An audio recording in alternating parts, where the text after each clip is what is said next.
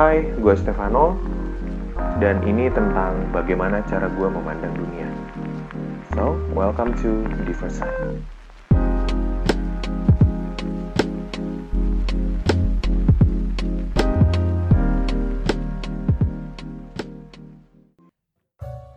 Hai halo semuanya, selamat weekend, selamat hari Sabtu. Kita udah kembali lagi di hari Sabtu. Cepet banget ya, kayaknya. mungkin karena kita semua sudah lama stay at home, jadi kayaknya waktu berjalan cepet banget. Kalian mungkin kadang udah lupa ini hari apa. Oke, uh, kembali lagi bersama gue Stefano di Diverside. Dan kali ini kita akan bahas lagi uh, tentang apa pun sih sebenarnya yang berhubungan sama kita sehari-hari. Dan hari ini gue nggak sendirian, gue nggak sendirian hari ini. Biasanya kan udah dua episode ya, sekitar dua episode. Cuma gue sendiri nih. Sekarang gue nggak sendirian, gue ditemenin oleh teman-teman. Sebenarnya kita satu komunitas sebenarnya, cuma karena udah lama stay at home dari pertengahan Maret, kita belum ketemu ketemu lagi nih dan baru kali ini ketemu. So, yang nemenin gue hari ini ada Hana, ada Ria. Halo, halo. Hai. Kayak pada suara gak sih hai? Bisa barengan gitu. Gak usah grogi, gak usah grogi, santai. Karena kita juga ngobrolnya santai di sini. Oke, okay, uh, oh ya sebelumnya sebelum kita mau uh, ngobrol-ngobrol, gue mau menyapa teman-teman yang lagi dengerin juga untuk hari ini. Uh, di mana pun kalian, semoga kalian kondisinya baik-baik aja. Untuk yang stay at home, tetap semangat, tetap bertahan. Untuk yang sedang bekerja dan mau nggak mau harus keluar dari rumah untuk melakukan kegiatannya, semoga tetap stay safe, tetap jaga kesehatan, jaga social distancing. Karena untuk kita yang di daerah Bandung PSBB masih berlanjut ya. Jadi ya teman-teman ya harap, harap bersabar lah. Harusnya kita udah masuk new normal, tapi ternyata kondisi tidak mungkin kan. Jadi PSBB-nya akhirnya harus lanjut dulu. Oke, uh, kita mau ngobrol-ngobrol nih, mau ngobrol sama teman-teman. Dari mana dulu nih? Dari siapa? Ria ya? Anak anak lah, Ria, Ria, Ria. Kok kalian nolak-nolakan gitu? Oke, Ria dulu dong. Ria, halo Ria, Hai, apa hai, kabar? Baik, baik, baik. Gimana selama stay at home? Pekerjaan Uh, gimana nih? Kegiatan apa aja? Kegiatan cuma kerja tidur kerja tidur makan ya, jadinya berat badan juga bertambah. ya gitulah masih kerja kak. Masih kerja ya? Hmm. Pekerjaan gimana? Ya kerjaan lancar karena aku kan di perusahaan farmasi nih kebetulan. Hmm, heeh, heeh. Farmasi itu nggak pernah mengenal kata WFH. Harus terus Iya, berjalan harus ya. terus bekerja makanya jadi aku tetap kerja walaupun sekarang kerjanya shift shiftan Hmm. nggak full kerja sih Oh, shift-shiftan. Dari satu minggu tuh paling cuma tiga hari doang Tapi jam Gitu. kerja Jam normal. kerja tetap full tetap normal Jam kerja tetap normal. Oh iya, bagus dong. Terus apakah sudah kena kena apa mungkin? janganlah oh enggak ya, ya jangan dong. Nggak, nggak, nggak, Ya udah, oke. Kemudian ada Hana, halo Hana. Apa Halo. kabar? Apa kabar? Baik. Pekerjaan gimana? Ya, kalau aku pekerjaan kan kalau aku tuh kerja di sektor pariwisata. Mhm, mhm. Jadi karena sektor pariwisata itu sangat rentan menularkan virus. Benar. Jadi eh, tempat kerja aku tuh udah tutup dari bulan Februari. Oh dari Februari justru. Mm, Sebelum ini dong ya, sebelum Iya. PSBB. mm-mm. Jadi udah tutup jadinya ya aku di rumah kan. Jadi udah bukan bukan lagi work from home tapi unpaid leave. Oh itu, tapi maksudnya hitungannya masih tetap karyawan kan? iya, masih tetap Cuman paid leave. unpaid leave. Unpaid leave-nya sampai kapan? Eh, nah itu jadi kayak karena kan aku tuh posisinya sales marketing. Hmm, hmm.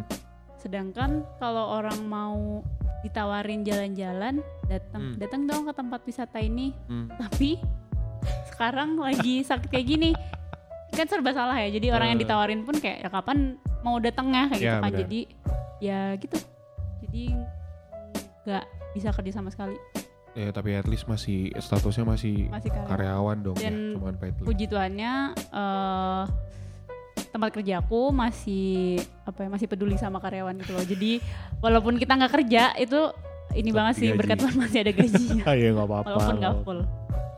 Iya, dan emang kondisi kayak sekarang, ya kayak tadi dibilang sama Maria, farmasi mau nggak mau tetap tetap ini dong, tetap jalan. Farmasi, retail, sembako segala macam masih tetap jalan.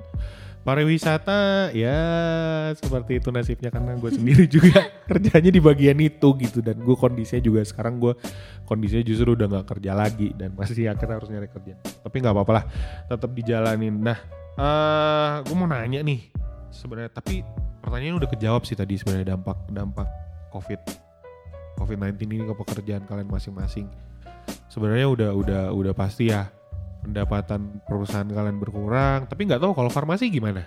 Sama kok banyak kan kita kan perusahaannya kayak eh, si kita kan kayak supplier ob- obat gitu kan Hmm, kita hmm, produksi obat hmm, terus kita hmm. kayak promosiin obat-obat ke dokter. Tapi sekarang banyak juga dokter yang nggak mau kerja sama kan karena mereka takut buat ketemu pasien jadi banyak yang tutup prakteknya untuk sementara. Oh iya? Jadi omset perusahaan pun turun oh iya gitu. Makanya yang awalnya kita kerja full cuma baru diberlakuin per bulan ini tuh kita kerjanya di shift. Karena omset turun ya mau gak mau perusahaan juga harus bisa ngambil keputusan kan? Gitu. Oh tempat praktek. Eh iya, iya, Hmm, kalau tempat praktek. yang ODP juga sekarang. Oh Bahkan iya. sempat ada yang udah positif COVID-19 gitu-gitu. Rumah sakit gimana? Kalau rumah sakit justru sekarang kayak lebih sepi nggak sih? Nggak kayak biasanya karena kan sekarang banyak Hmm. banget rumah sakit yang dibatasin setahu aku sih kayak gitu ya tapi nggak tahu yang sebenarnya itu kayak gimana. Orang-orang sakit juga berkurang kali ya nggak semuanya tahu ya berusaha nggak sakit. Sakit sedikit diem di rumah aja lah dibanding makin sakit. Iya karena kan kebanyakan diam di rumah nggak ada kegiatan jadi paling sakitnya yang ringan-ringan gitu nggak perlu. Karena gue juga dengar eh, untuk ke rumah sakit juga sebenarnya dibatasin kan. Mm-mm, ya kecuali untuk eh, penyakit-penyakit yang urgent banget yang emang membutuhkan pen- penanganan lanjut. Nah, yang gue mau fokusin sebenarnya ini nih, eh, kalian pasti ada keluarga masing-masing kan, ya ada keluarga masing-masing. Nah, yang gue mau bahas itu sebenarnya ini seberapa berdampak sih eh, COVID-19 ini ke kalian masing-masing, terutama soal keluarga. Karena yang gue tahu si Ria ya, Ria kan dari luar Bandung gimana nih? Gue mau denger yang dari ini dulu dong, yang dari tetap stay sama keluarga. Hana gimana Hana? oh jadi aku dulu Iya dong. Ya. Dialihkan dulu. Gue ngomongin keren dulu, tapi gue nembaknya ke Hana Iya, dulu. Gimana gimana? Kalau aku kan eh, walaupun udah kerja tapi karena sama-sama di Bandung jadi tinggalnya masih sama keluarga. Hmm, hmm, Jadi di rumah ada aku, ibu, bapak, sama adik. hmm. Eh, bapak ibu kan usianya udah 55 tahun ke atas. Ah, ah. Jadi em, itu sih dijaga banget buat kalau misalnya eh, pergi-pergi, ibu Hmm. kan juga eh, punya warung. Hmm, Kalau misalnya hmm. itu tuh sering ke pasar kan buat belanja. Ah. Dulu tuh yang pergi ya bapak sama ibu sendiri gitu kan naik mobil. Tapi kalau sekarang karena ada covid ini jadi harus diambil alih oleh saya. Sebagai Saya. anak yang paling tua di Ya. rumah ya. terus terus pas udah pulang ya itu kayak tadi kan sebenarnya sampai sekarang sih anaknya masih tetap jorok maksudnya ya mandi juga jarang-jarang gitu kan tapi Ah, kalau ada covid ini jadi pas pulang eh pas pergi pakai masker pakai Mhm. sarung tangan mhm. pakai ya sepatu boot karena kan becek ya Eh, kalau pulang itu harus copot baju eh, maksudnya jaket itu semuanya langsung dimasukin ke apa sih keranjang baju Oh, kotor Oke. terus langsung cuci tangan. Kalau bisa ya kalau lagi rajin mandi tapi at least cuci tangan cuci kaki sama cuci muka. Jadi biar maksudnya kan kita yang keluar kita yang Ya, masuk karena dari luar. kan bisa juga kena OTG ya kayak Ya, orang tanpa benar. gejala kan. Jadi Hmm, hmm. maksudnya kita sendiri ngerasa sehat tapi ternyata kita tuh nularin gitu Ya, kan. benar. dan sedangkan aku tuh anaknya tuh sering alergi debu alergi dingin. Jadi kayak kadang tuh kadang tuh paranoid sendiri gitu loh. Kayak Hmm, aku bersin bersin pagi-pagi terus Udah sebenarnya takut. itu biasa tapi kayak aku kena nggak ya kayak gitu kan jadi itu yang kayak khawatir sama keluarga juga kan terus aku juga sekamar sama adek itu jadi Hmm. ya itu sih yang sering keluar juga yang di- sekarang jadi yang melakukan kegiatan banyak itu eh, di luar tuh aku sama adik gitu. jadi harus Oke. mengambil alih oke. Kalau di keluarga ada yang beda nggak sih? Mungkin waktu sebelum covid kalian tuh mungkin orang tua ngerjain ini sibuk sama kerjaannya, lu sibuk sama kerjaan lu, Hmm. Adek lu sibuk sama sekolah. Nah kalau sekarang kan kalian lebih menghabiskan waktu lebih banyak di rumah, Iya. lebih banyak bareng. Ada yang berubah nggak sih? Entah sedikit atau banyak gitu. Hmm, Gimana cara kalian komunikasi atau ngobrol, ngumpul segala macem gitu? sebenarnya sekarang jadinya karena sering di rumah bareng-bareng sebenarnya kalau buat kita yang anak muda sih kayak aku sama Adit tuh lebih jadi kayak jam tidurnya udah yang tadinya nggak bener makin nggak bener kan kayak gitu kan apalagi nggak sekolah adik kan Heeh. aku juga nggak kerja Hmm. jadi nggak ada keluar nggak ada menghabiskan energi Heeh. makin aja kayak gitu ya? kan ya. Terus eh, orang tua kan pinginnya kita bangun pagi kan. itu sih yang paling struggle banget. kayak pinginnya bangun pagi padahal di rumah ada wifi 24 jam kan. Hmm, Jadi hmm. kayak ya itulah kan kita nggak usah nggak usah nggak usah pas stay at home lah gitu kan. Pas kita kegiatan biasa pun aku sama Adi tuh minimal kita tidur paling cepet tuh ya jam satu lah Hmm, hmm. karena ya emang udah gitu model hidupnya tapi setelah sekarang karena udah nggak pagi nggak perlu sekolah pagi pagi nggak perlu Ah, kerja ah. tidurnya tuh makin makin subuh ya kayak tadi awalnya kayak jam 2 lama jam 3 jam bisa sampai jam 6 pas terang. Kita Baru tidur. oke udah matahari udah terbit waktunya tidur. Kayak gitu terus jadi ya itu sih jadi orang tua tuh lebih kayak yang banyak komplain itu kalian tuh Eh, nggak sehat nah kayak gitu lah. Gitu. Wah. Ya emang sih gue juga jam tidur gue akuin berubah gitu. ya kan orang tua aja yang Iya. karena nggak tahu mau ngapain gitu. Karena nggak tahu mau ngapain nggak ada yang harus dilakukan. Jadi ya mau nggak mau jam tidur berubah. Kalau Ria nih gimana? Tuh pasti lo struggle banget karena Ya. kondisi kayak gini kan. Apalagi lo mungkin sering kan deket ya lu di mana sih? Tasik, tasik, Tasik kan, Tasik kan deket tuh. deket banget. kalau pengen apa-apa kan sebenarnya kalau pulang gampang gitu. Terus ada yang berbeda nggak sih? Ya udah pasti sih, cuma maksudnya gue mau dengar dari lu langsung gitu. Kalau menurut lu. gimana gimana? Entah komunikasi atau mungkin lu kangen, terus kalau lu kangen lu gimana mengobatinya? nggak perlu covid kan iya, kalau iya tapi kan biasanya kan kalau lu kangen ya udah orang tua suruh pulang ya udah aja tinggal Biasanya pulang kayak gitu.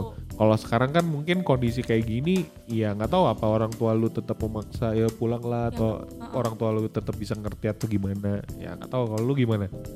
Gini sih, waktu sebelum covid ini ada biasanya pulang tuh dua bulan sekali atau Ah, eh, paling cepat tuh paling sebulan sekali gitu Ah. kan. Cuma semenjak ada covid ini awal-awalnya kayak mikir, aduh nih pulang kayak gimana ya gitu. Terus mikirin karena kan orang tua tinggal satu kan, tinggal mama doang. hmm, hmm, Dan kebetulan mama tuh udah di umur sekitar 60 tahun. Oke, Itu kan lebih khawatir ya. ya. Di rumah tuh mama cuma sama dede doang. Hmm, Terus udah kayak gitu biasanya aku sama kakakku, kakakku juga ada di Bandung kan. Hmm. Biasanya kita pulang tuh bareng, udah ada rencana buat kita pulang bareng terus nanti Juni libur nih panjang kan ya. biasanya. heeh. Udah rencana mau pergi ke mana-mana ke mana-kemana tapi nggak jadi semuanya ke pending. Hmm, Sedikit agak rindu ya karena udah berbulan-bulan. Aku terakhir pulang tuh kemarin Januari. Januari. Januari mau pulang, Oh, iya, tadinya. Maret aku mau pulang, Maret atau Ah. April. Hmm, Tapi kan ternyata udah ada corona tuh, ya udah Hmm. nggak bisa pulang. Ya udah paling komunikasi cuma telepon. Tapi nih yang berubah dari COVID-19 ini, biasanya kita tuh jarang-jarang banget telepon, paling cuma chatting karena ya kita ketemu. ya. Cuma semenjak ada si virus-virus ini, kita jadi sering komunikasi bahkan satu keluarga full kita sering banget teleponan misalnya jam 4 sore udah telepon nanti malam telepon lagi jadi komunikasinya justru lebih lancar sekarang daripada sebelumnya benar-benar. kayak gitu cuman buat kita saling ketemu itu sih yang agak sedikit Itu yang harus ditunggu-tunggu. Kalau covid ini udah beres pasti aku langsung lari pulang. Soalnya kan mau pulang Lari juga ya? sekarang nggak bisa iya lari. Lari ya? lari bukan naik bukan naik kendaraan lari ke Tasik biar kurus. Enggak, biasanya kan kalau kita pulang kan pakai kereta. ya. Cuma tuh kan sekarang sama pemerintah nggak ada jalur ke Tasik kan. Oh iya ya. Heeh, Tasik kan di lockdown kan. Jadi Oh, oh iya. iya, jalur benar. kereta tuh cuma dari Bandung ya udah terus ke Yogyakarta, Surabaya, Hmm, ke mana. hmm. nggak ada berhenti di Tasik. Mau nggak mau pakai travel dong. Pakai travel juga tetap aja serem ya. Kita nggak tahu orang Karena itu lebih menumpuk-numpuk ya. Heeh, Takut gitu sih. Iya benar juga. Oh iya tadi maksudnya eh, berarti komunikasi kalian kalau buat Ria pribadi lebih lancar apalagi sampai keluarga keluarga Iya, besar keluarga ya. besar. Keluarga besar. Ya gue juga ngerasain sih. Soalnya hampir tiap hari diteleponin gitu. Iya benar. Padahal ya kehidupan gitu-gitu aja gitu. Kadang orang tua baru nelpon malam, pagi dia udah nelpon lagi. Iya, Iya, bener. ceritain itu lagi ya ini ceritain itu lagi. Jadi kadang kalau kalau malam nelpon, nyokap pasti nanya, "Kak lagi apa?" Ya mau siap-siap tidur gitu. Ngobrol-ngobrol-ngobrol. Pagi dia udah nelpon gitu. "Kak lagi ngapain?" hidupmu, Kak. ya baru bangun jadi kan jadi kan maksudnya interval untuk nelponnya masih bentar gitu tapi ya namanya juga kalau kondisi orang tua jauh jadi dia pasti khawatir apalagi kan kita tinggal di zona merah kan tinggal di zona merah yang penyebaran covidnya karena keluarga besar berarti komunikasi gimana Hmm, Kan lu ada kakak kan ya kalau nggak salah. Iya sih, tapi kan memang kalau kakak kan dua kakakku kan udah nikah dan Ah, itu udah ah. maksudnya udah lama kan nikahnya. Hmm. Terus dan udah dari lama juga mereka udah nggak sama kita Ah, tinggalnya. oke. Jadi sebelum covid pun juga mereka nggak rutin kayak Ria kan. Saya kan dekat Ah, terus ah, kayak ah. intens kayak Hmm. apa berapa sebulan sekali ya Ria? Sebulan sekali datang kayak itu kan. Kalau kakak kan jauh di Jogja, itu kan Hmm, jadi hmm.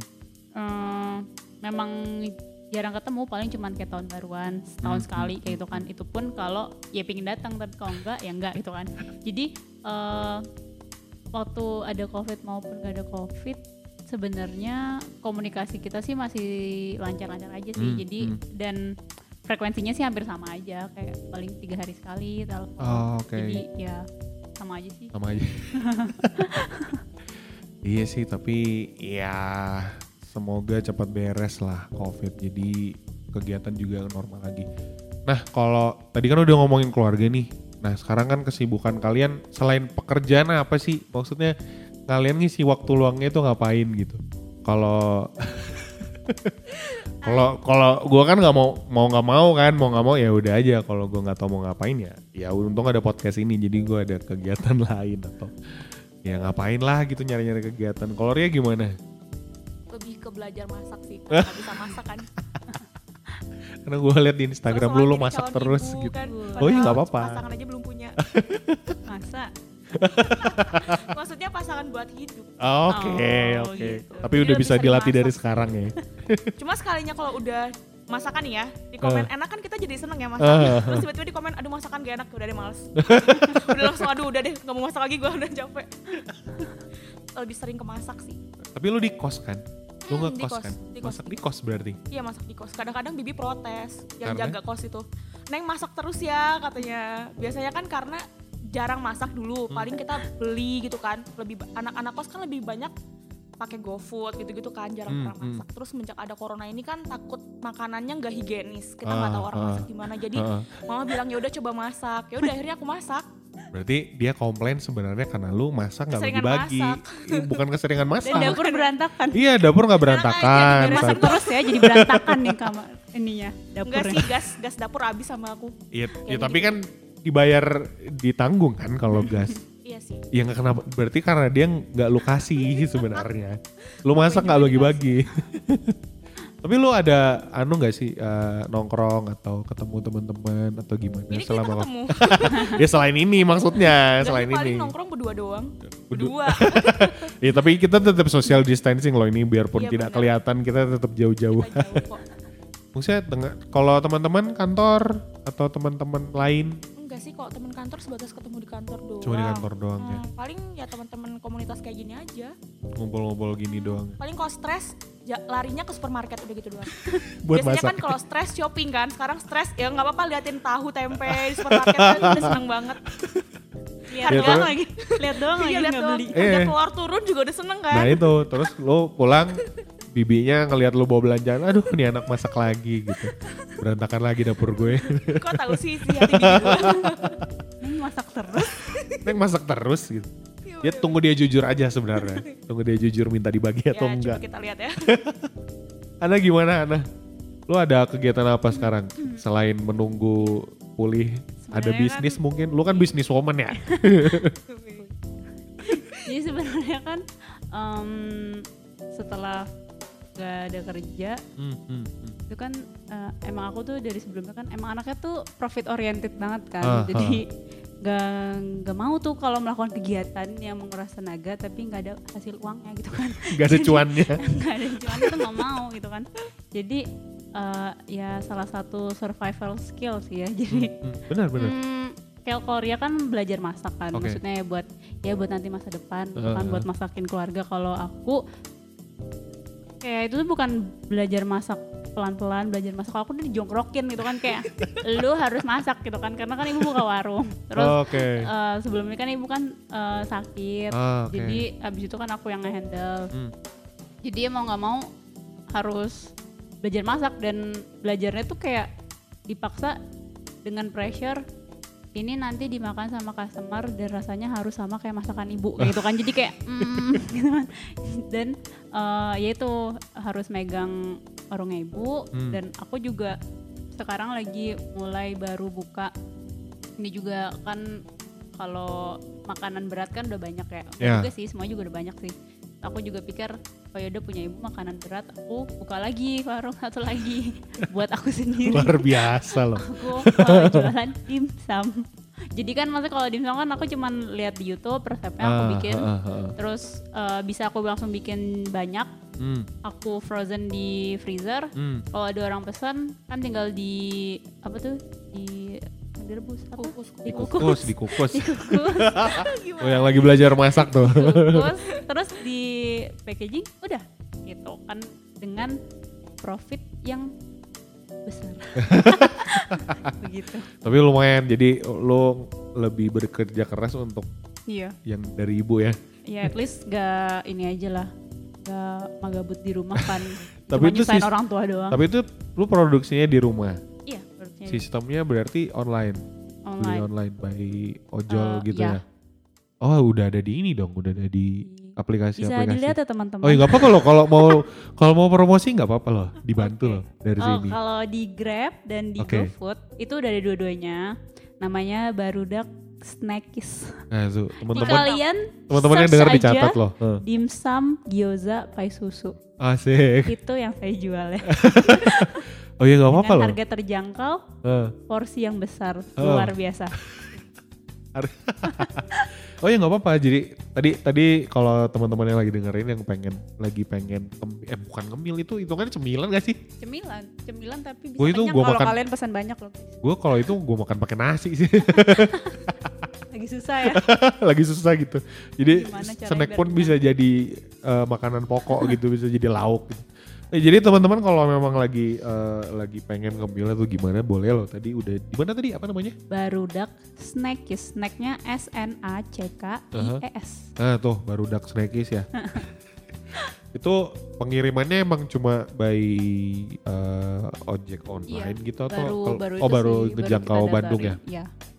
Ya nggak apa-apa. Bisnis makanan soalnya lagi naik nih sekarang karena orang kan malas tuh. Kayak ini ibu satu ini kan dia masak tuh belajar masak Hmm. daripada beli gitu kan. Betul. Kondisi keuangan kayak gini terus kita harus harus itu jadi lebih hemat beli eh lebih hemat ya udah nggak mungkin ke pasar juga kan kalau ke pasar kan ketemu orang lebih banyak nah yang satu juga sibuk berbisnis ya nggak masalah gitu jadi buat teman-teman juga kalau merasa tidak ada yang dia lakukan harusnya bisa mencontoh dari teman-teman di sini